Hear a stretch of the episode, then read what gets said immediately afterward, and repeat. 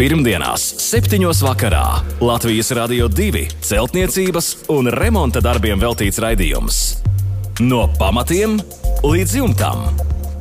Ar padomiem un atbildēm uz klausītāju jautājumiem Latvijas Rādio 2 studijā - tehnisko zinātņu doktors, būveksperts Juris Biršs.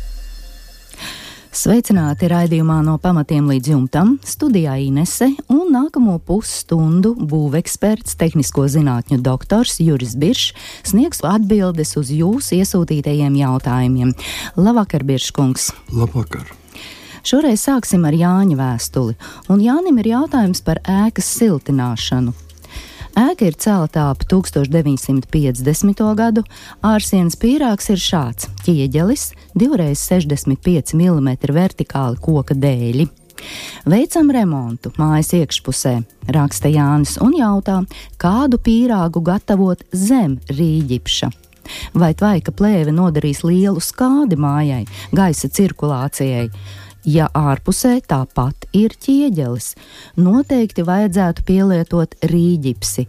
Varētu tādā gadījumā uzlikt arī flīzes un arī nokrāsot. Tātad Jānis vēlas noteikti izmantot rīģipsi. Un ko jūs teiksiet, kā rīkoties, ko darīt? Jā, nu šeit ir tāds nu, mazliet varbūt nepilnīga informācijas sniegts jautājums, jo diezgan nekas nav. Jautājums ir par ēkas siltināšanu, bet to, ka, ar ko tad ēka ir bijusi pirms tam siltināta, nav ne vārda. Mm -hmm. nu, varbūt viņi vispār nav bijuši siltināti, un tādā gadījumā ļoti augsta ēka. Mani uzmanīgi dara pie 1950. un 60. gadi. Ja tiešām šajā laikā cēla šo māju, tad mums tiešām nekā no, teiksim, no siltumizolācijas materiāliem.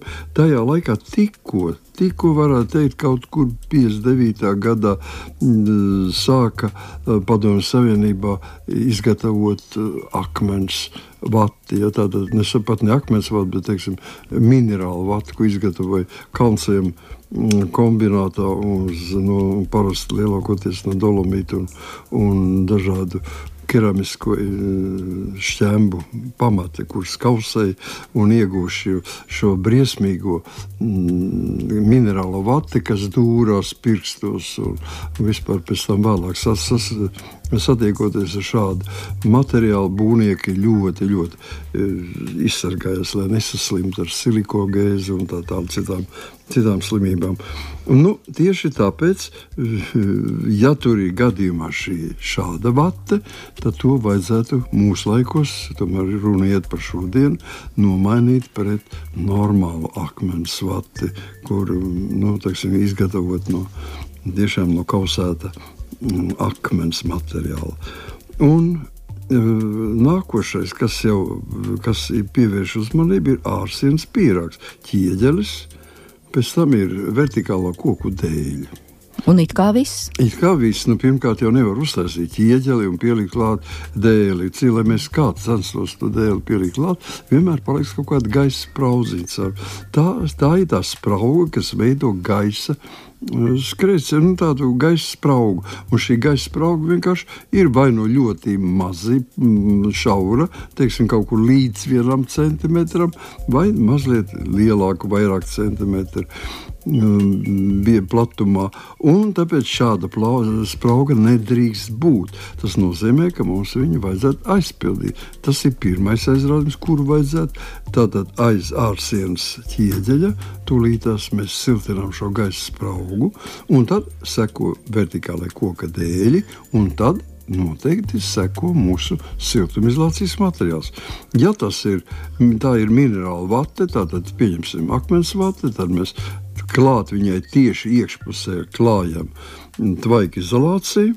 Tātad tvaika plēvi, kā šeit Jānis ir nosaucis, un viņam ir jautājums par to, vai šā šī plēve uh, nodarīs lielu skādi.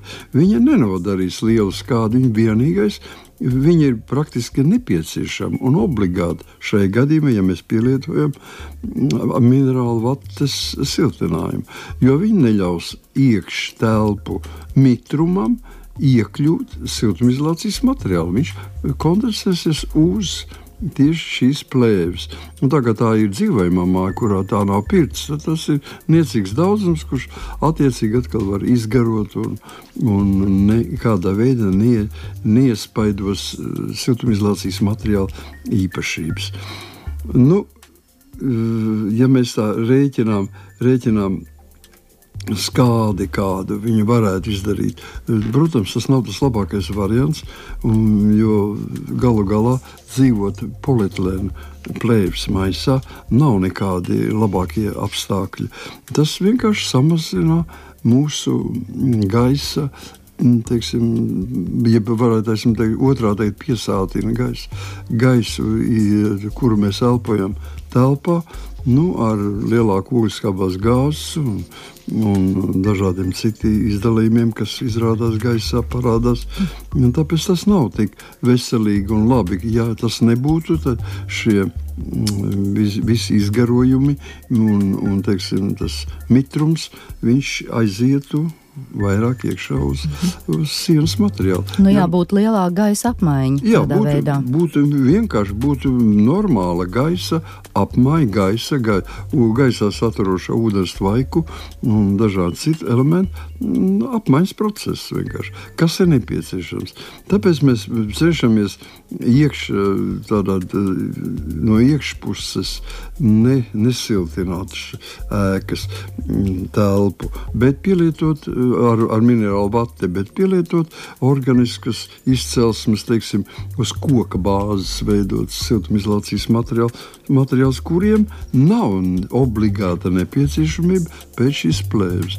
Jo, teiksim, visi koka bāzes siltumizolācijas materiāli nu, neveido kondensātu, viņi to uzsūta savā struktūrā, un viņš lēnām ar siltumu kopā tiek žāvēts. Jā, un kādā gadījumā kāds tad būtu šis vēlamais pīrāgs? Vēlamais pīrāgs būtu sekojošs. Tātad no ārpuses skatoties ķieģelis, gaisa sprauga aizpildīta ar siltumizolācijas materiālu. Vienalga, vai tas būtu nu, teiksim, ekovate, vai minerāla vate, vai, vai kāds putu materiāls, jo ļoti plāniņa viņa būs. Tur nekādas lielas izmēra daļiņas nevarēs ievietot. Katrā gadījumā tur jārēķinās, ka tiešām tā tā koka dēļu un ķieģeļa starp ir diezgan pašaura. Veicam tālāk, liekam, koku, atstājam tos pašus koka dēļus, tālāk liekam minerālu, teiksim, minerālu vatas siltinājumu. Nu, teiksim, šādai ēkai jau vajadzētu vismaz 20 cm minerālu vatas siltinājumu. Tālāk uz viņa cieši klāt um, polietilēna tvaika plēvi un atstarpīti mazu, apmēram 5 mm, un tālāk seko rīķīša plātne. Mm -hmm. Man nekas nav pretī, pretī, lai viņi būtu. Nu jā, Jānim šī ir tāda obligāta prasība, lai varētu uzlikt flīzes un arī krāsot šo rīģipsi. Viss skaidrs, paldies, Biržkungs, par atbildi. Turpinām. Arī Ēriks eh, grib siltināt māju. Māja ir celta 80. gados, gāzbetons 50 mm, tad ir sprauga un tad silikāta ķieģelis. Man ieteica šo spraugu aizpildīt ar termoputām, nevis likt siltinājumu virs ķieģeļa rakstēriks. Kā būtu pareizāk rīkoties? Vai tā kā ir ieteikuši Ērikam, vai arī cits plāns būtu derīgāks? Jā, nu, runāsim, eh, šeit ir gan jā, gan nē. Jo principiāli viss ir pareizi. Mums nekādā gadījumā, ja mums ir eh, norobežoša konstrukcija, kas sadala ārā gaisu no iekšas, tad, tad ārsiena un viņā ir gaisa sprauga tad mēs nekad nedrīkstam. Un nevar, nevar, tas ir obligāti aizliegts siltināt no ārpuses. Jo gaisa sprauga nodzēsīs visu jūsu mm, siltinājuma efektu. Un, teiksim, jūs siltināsiet um, savu telpu daudz mazāk nekā teiksim, Rīgas stācijas uzsils no jūsu no jūs siltinājuma. Tas ir tā pārnestā nozīmē. Un Tāpēc tas būtu it kā pareizi ieteikums. No otras puses, pareizi ieteikums ir principiāls, bet ne viss sevišķi pareizs būtu attiecībā uz materiālu. Es esmu katrā gadījumā pret termoputām. Tas nozīmē, tas ir putu poliuretāna putas, viens vai otrs izpildījums, daži dažādas firmas piedāvā. Un šis materiāls ir pirmām kārtām ļoti nu, teiksim, ne gaisa un mitruma, ne caurlaidīgs materiāls. Tātad par elpošanu mēs jau iepriekšējā teicām, tas ir kaut kas līdzīgs plēvēji, kā mēs tur ielikt iekšā.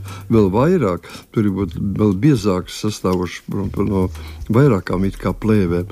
Un tas ir uguns nedrošs materiāls, kas pasliktina uguns, ārsienas uguns izturību. Uh, Un uh, katrā gadījumā viņš nav arī daudz e, ilgsturīgs, jo teiksim, tie saules ultravioletie stari, kas tomēr iesprācās arī caur, caur visu iekšienu, tātad e, caur ārsienas silikāta ķieģa un ap šuvēm. Viņš diezgan ātrā tempā viņu vecinā.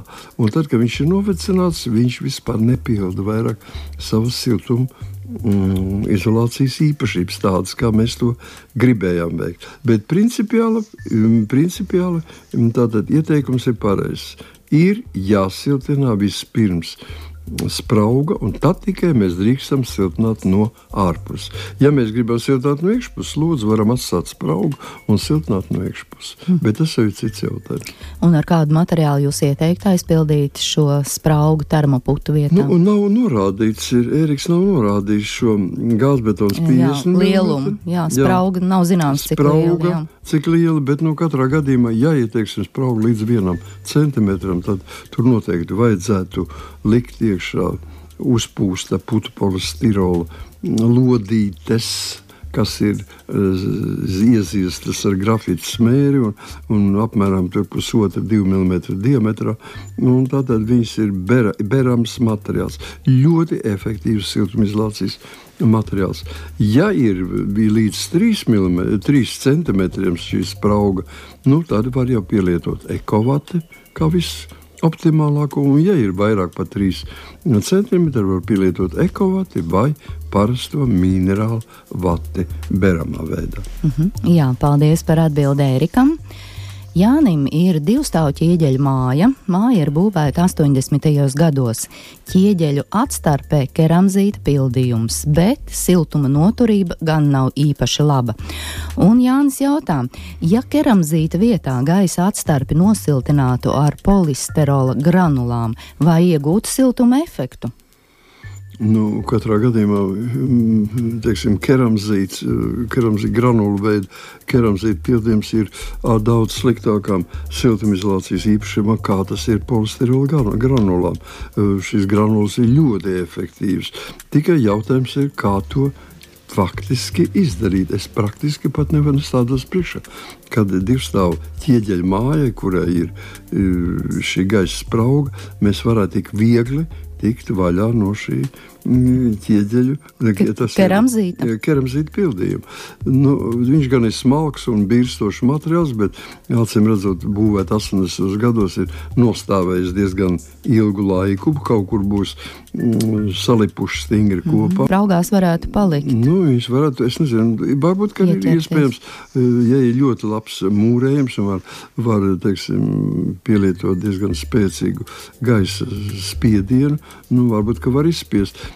Katrā gadījumā, ja to var izdarīt tehniski, tad es esmu par to.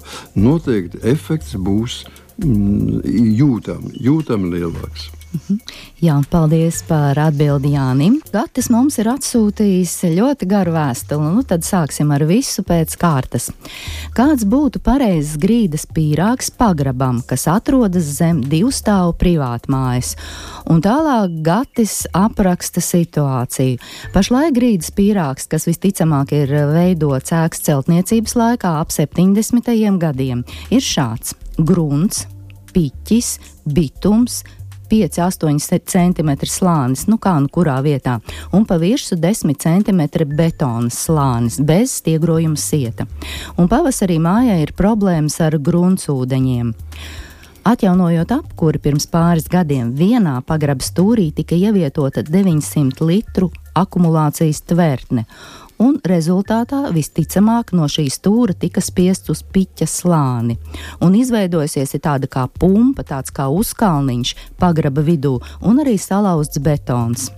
Gatis plāno vasarā izlaust visu betonu, izvākt arī piķa slāni. Pamatpēda pagraba grīdas līmenī ir apmēram 2 metri zem zemes. Ierīkot zem zemes horizontālo drenāžu nav īsti iespējams, jo nav arī kur novadīt ūdeni. Ārpusē pagraba siena no divām plaknēm ir aprīkota ar vertikālo hidroizolāciju. Lietus ūdeņi no jumta tiek novadīti uz aptuveni 10 metri attālo infiltrācijas tuneli, un māja atrodas pilsētas teritorijā. Kā Gatim rīkoties? Jā, nu tas ir garš stāstījums, un acīm redzot, diezgan daudz uh, faktori ir aiz, aizskārti. Tur varētu diezgan daudz ko pastāstīt. Nu, pacentīsimies tā ļoti ātri pārbraukt pāri, kas man palika atmiņā, un kā man liktā liekas, ka vajadzētu tā darboties. E, Pirmkārt, mums ir jāsaprot tas, ka māja atrodas pilsētas teritorijā. Tas nozīmē, ka blakus ir citas mājas, un diezgan tuvu atrodas šīs citas mājas.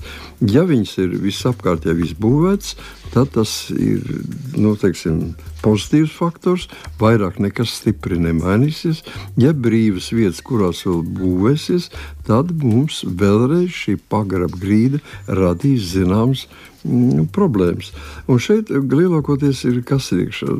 Pilsētās jau sevišķi būvējot jaunas mājas, vai arī teiksim, izmainot viņu stāvu skaitu, vai kādā citā veidā noslogojot grunti, mums izmainās arī šis ūdens.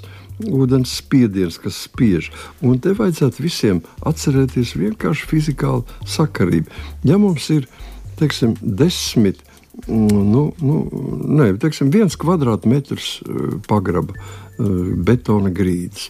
Un, ja ūdens, šis eh, gruntsūdens līmenis var nu, teiksim, nu, nedaudz mainās, tad, ja viņš paceļās 10 centimetri virs pagraba esošās grīdas, tad mums veidojās jau nu, apmēram tona uz kvadrātmetru. Nu, rēķiniet, ka, ja būtu metrs, tad tas jau būtu vairāk kā desmit tonnas uz kvadrāt, kvadrātmetru. Tas ir ārkārtīgi nopietns spiediens. Ja mums ir apakšā tikai hidroizolācija, tad mm, ir nu, teiksim, bitumēna betons, bitumbetons paklāts apakšā, kā to var saprast no, no gata un tālāk virsū viņam ir 10 cm betona slānis, tad lūk, šis bitumens plus betons nu, turās pretī. Pie tam betons ir bez, nevis nav dzelzbetons, bet, bet ir betons, tas nozīmē bez stiegrojuma. Tātad viņš no apakšas nu, rodās šis spiediens, un viņš spiež uz augšu. Kas ir noticis arī dotajā pagrabā? Es neticu, ka tik daudz to iespaidot. Ja teiksim, tā, akumulācijas tvertni, jo viņā mainās ūdens tilpne, kad ir vairāk, kad ir mazāk. Bet principā paceļoties ūdens līmenim augstāk jau gruntī par pagraba grīdu, gan var uzspiest pilnībā uzlauzt šo grīdu. Lai tas nenotiktu, ko dara? Nu, vienkārši pēc būvniecības fizikas likumiem mēs liekam, izrēķinām, ka 10 centimetri mums dos, dos vienu tonu. Nu, skatāmies, cik mēs augstas ūdens varētu pacelties. Ja tas ūdens var pacelties teiksim, 20 um, centimetru uz augšu un radīt divas tonnas uz kvadrāt, kvadrātmetru, tad mums arī pretī jāliek tāds pats spēks. Tas nozīmē, ka jā, jābetonē grīda un ar dzelzbetonu Tas šai gadījumā ar stiegrojumu jāpaceļ šis biezums uz augšu vēl pa kādiem desmit centimetriem. Lai mēs rēķinām masu, mums ir jāatbilst, jābūt līdzsvaram, tad mums necels to grīdu uz augšu. Nu, tas ir pirmais. Paņēmiens, ko mēs varam darīt, ja mēs neko citu nedarām. Mēģinām mehāniski izlīdzsvarot un neļaut nu, ūdenim pavasaros un rudenī pacelt grīdas betonu uz augšu. Kas nākošais darbs? Nākošais darbs būtu atrakt pakāpeniski, tas ir ik pa diviem, trim metriem, viss apkārt ēkai, pakāpeniski atrokam trīs metrus, ieliekam vertikālo drenāžu, vertikāli, tātad telpisku geomembrānu, tā tā sauc pumpainā membrāna, no pagraba grīdas līmeņa uz augšu 5 cm virs grunts ar pumpiņām pret sienu. Tas nekas, kad jau ir izveidota vertikālā hidroizolācija. Viņa jau ir nokalpojusi pietiekoši ilgu laiku, un katrā gadījumā e, ir vietām bojāta. Tad, šīs, šī vertikālā drenāža daudz ko palīdzēs. Tajās malās, kurās nav horizontāla, tas ir vertikālā drenāža, vertikālā hidroizolācija, tur vispār lieliski darbosies. Un šis um, vertikālā drenāža ar telpiskas geomembrānas palīdzību var samazināt pat tad, ja teiksim, nu, teiksim, pagrabā paceļās ūdens līmenis vasarā. 10, 10, 15 centimetri. Tad ar šādu paņēmienu var tikt vaļā no viņa. Ja paceļās augstāk, nu tad, tad jāliek vēl papildus kaut kādi darbi klāt. Nu, tas ir galvenais. Jāskatās, ka vēl kāds kaut kur nebūvē, nu tad ir jāmēģina varbūt kaut kāds kaut kādas atdalošas sieniņas zem zemes līdz divu metru dziļumam veidot, bet tas ir sarežģīti un acīm redzot, jāgriežas pie inženieriem. Mm -hmm. Jā, un kāds tad izskatītos šis te pagrabgrīdas pīrāgs, tad, kad būs izlausts vasarā betons un izvākts arī šis piķis lānis? Jā, tā tad nosaucu no pašas apakšas sākam, tā tad ir grunts, uz grunts mēs liekam šķembas, šķembas ir rupjas, raupjas. Tātad vismaz 100 mm, tas ir minimums, 100 mm noblietētā stāvoklī. Parasti 100-200 mm. Un uz šīs noblietētās šķembām mēs klājam tvaika izolāciju, uz tvaika izolācijas kas iet līdz pašām sienām un panāk vēl uz augšu. Tālāk mēs liekam betona, tātad šo pareizāk sakot, dzelzbetona slāni. Un šis dzelzbetona slānis ir tik biezs, cik nu, mēs esam uh, redzējuši, cik, mēs, cik, mums, cik mums tas ūdens, mm -hmm. grūtsūdens paceļās. Ar stiegrojumu? Jā, nu, ar stiegrojumu. Stiegrojums, ja teiksim, šis slānis ir vismaz 15 cm, tad nu, vajadzētu ne tikai apakšā un augšā, bet arī pa vidu vēl stiegrojuma sietu, teiksim, ar trīs sietiem mm, viņu stiprināt. Un apakšējo slietu stiprina sienā vienkārši vienkārši noankuro jau siena. Tā kā pacelt šādu materiālu uz augšu būtu ārkārtīgi sarežģīti. Pēc betona, nu, pēc betona mēs varam uh, apstrādāt betonu virsmu pie, pie ielīšanas jau ar, ar speciāliem virsmu apstrādājušiem līdzekļiem, kas viņus padara fiziski, mehāniski izturīgāks un mazāk ūdens caurlaidīgs. Mhm. Tas ir viss. Jā, paldies par atbildi Gatim. No pamatiem līdz jumtam. Un vēl Agneses jautājums. Un Agnese jautā, kā secīgi rīkoties, ja vēlas izbūvēt un arī apdzīvot vecas koka mājas bēniņus? Ar ko sākt un kas būtu jāņem vērā? Nu, tas ir arī ārkārtīgi plašs, plašs jautājums. Ļoti, ļoti te, plašs. Te ir daudz variantu un, un iespējas, un viss jau gal galā nosaka koka mājas bēniņu konstrukciju. Redziet, ja, ja tā māja būvēta jaunākos laikos, tad mums pāris iet un guļ uz mūrlatām virsū. Praktiski mēs redzam, ka tāda trīs stūri e, bēniņu pārsegums, un tālāk ir šis trīs stūris, kas nobeidzās ar, ar pažobeles. Ja mums ir vecāku gāju mājas, mēs bieži varam redzēt, ka mums nav tāda konstrukcija. Mums ir pārsegums bēniņi, pēc tam iet vertikāli uz augšu, tas saucamais dzegas pacēlums, un tad seko tikai šī trīsstūra daļa. Kā, ja?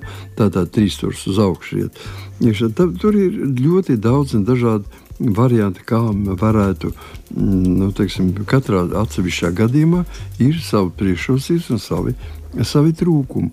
Mums ir jāsaprot, ka, kad mēs gribam ierīkot mm, šo bērnīs apdzīvots. Nu, Vēniņš agrāk nekad ne, speciāli nebūvēja apdzīvots, un tāpēc viņi nav siltināti. Lai siltinātu, lai pareizi nosiltinātu bērniņus, ir jāsiltina ne tikai tās vietas, kur teiksim, mums atradīsies telpai, apdzīvotai telpai grīda, sienas un pārsegums, bet visa šī jumta slīpās daļas izveidojas tāda trapece. Visa apakšējā horizontālā daļa ir jāsiltina, ieskaitot pašobels. Tālāk iet slīpne uz augšu, un tur, kur mums veidojas griestu konstrukcija savai jaunai bēniņu izbūvēi, tur mēs arī beidzam. Izveidojas tāda trapece, augšā mazāk, apakšā lielāka horizontālā daļa, un visu šo daļu mēs siltinām. Tas ir pats pats galvenais. Tas ir jāņem vērā. Un ar to arī praktiski ir jās, jāskatās, ir, vai spāris ir atstāvs, cik, cik tālu stāv spāris viena no otras. Nu, ieteicams ir apmēram 60 cm. Parasti vecām, vecām gadu mā, gājumu mājām šis attālums ir kaut kur metrs, metrs 20. Jāskatās, kāda stāvokļa, kā ir deformējušas, vai nevajag papildus ielikt spārs iekšā. Nu, tad, ja galvenais ir virs, iz, virs šī izveidotā siltumizolācijas slāņa jābūt gaisa spraugai, kas pie pašūbeles, kurā pie pašūbeles ieplūst gaiss, un pie kores, mājas kores, viņš iz, iz, iziet atkal ārpusē. Nu, tas tie galvenie noteikumi, kas mums ir jāsaka. Īstenībā jau mm, pareizāk ir, ja visu to smuki uzzīmē un izstāsta cilvēkam. Diemžēl rādio nu, pagaidām mm, vizuālais skatījums nav. Man ir diezgan grūti, jo pārāk ilgi visu to stāstīt. Bieži vien tā mēs sajaucam cilvēkam galvu pavisam. Nu jā, tā varētu būt, un iespējams Agnesei būtu nepieciešama klātienes konsultācija, un tad to uz vietas varētu izprast, kādas dotajā situācijā būtu labākais risinājums, un pieņemt arī lēmumu, ar ko sākt, kā sākt, un secīgi visus darbus īstenot. Jā, es teiktu, Inesī, tas ir vispareizākā atbilde. Uh mhm. -huh. Līdz ar to šovakar mūsu raidījums ir izskanējis un atgādināšu mūsu e-pasta adresi remonds at lr2.lv. Jautājiet būvekspertam, un jau tuvāko raidījumu laikā noteikti saņemsiet atbildi. Jautājums varat iesūtīt arī caur Latvijas Radio 2 mājaslapu, un esam arī populārākajās raidierakstu straumēšanas platformās. Šovakar paldies par kopā būšanu, lai jums jauks, mierīgs vakars, un, protams, tiekamies pēc nedēļas. Visu labu! Pirmdienās, 7. vakarā Latvijas Rādio 2 celtniecības un remonta darbiem veltīts raidījums. No pamatiem līdz jumtam. Ar padomiem un atbildēm uz klausītāju jautājumiem Latvijas Rādio 2 studijā - tehnisko zinātņu doktors, būveksperts Juris Biršs.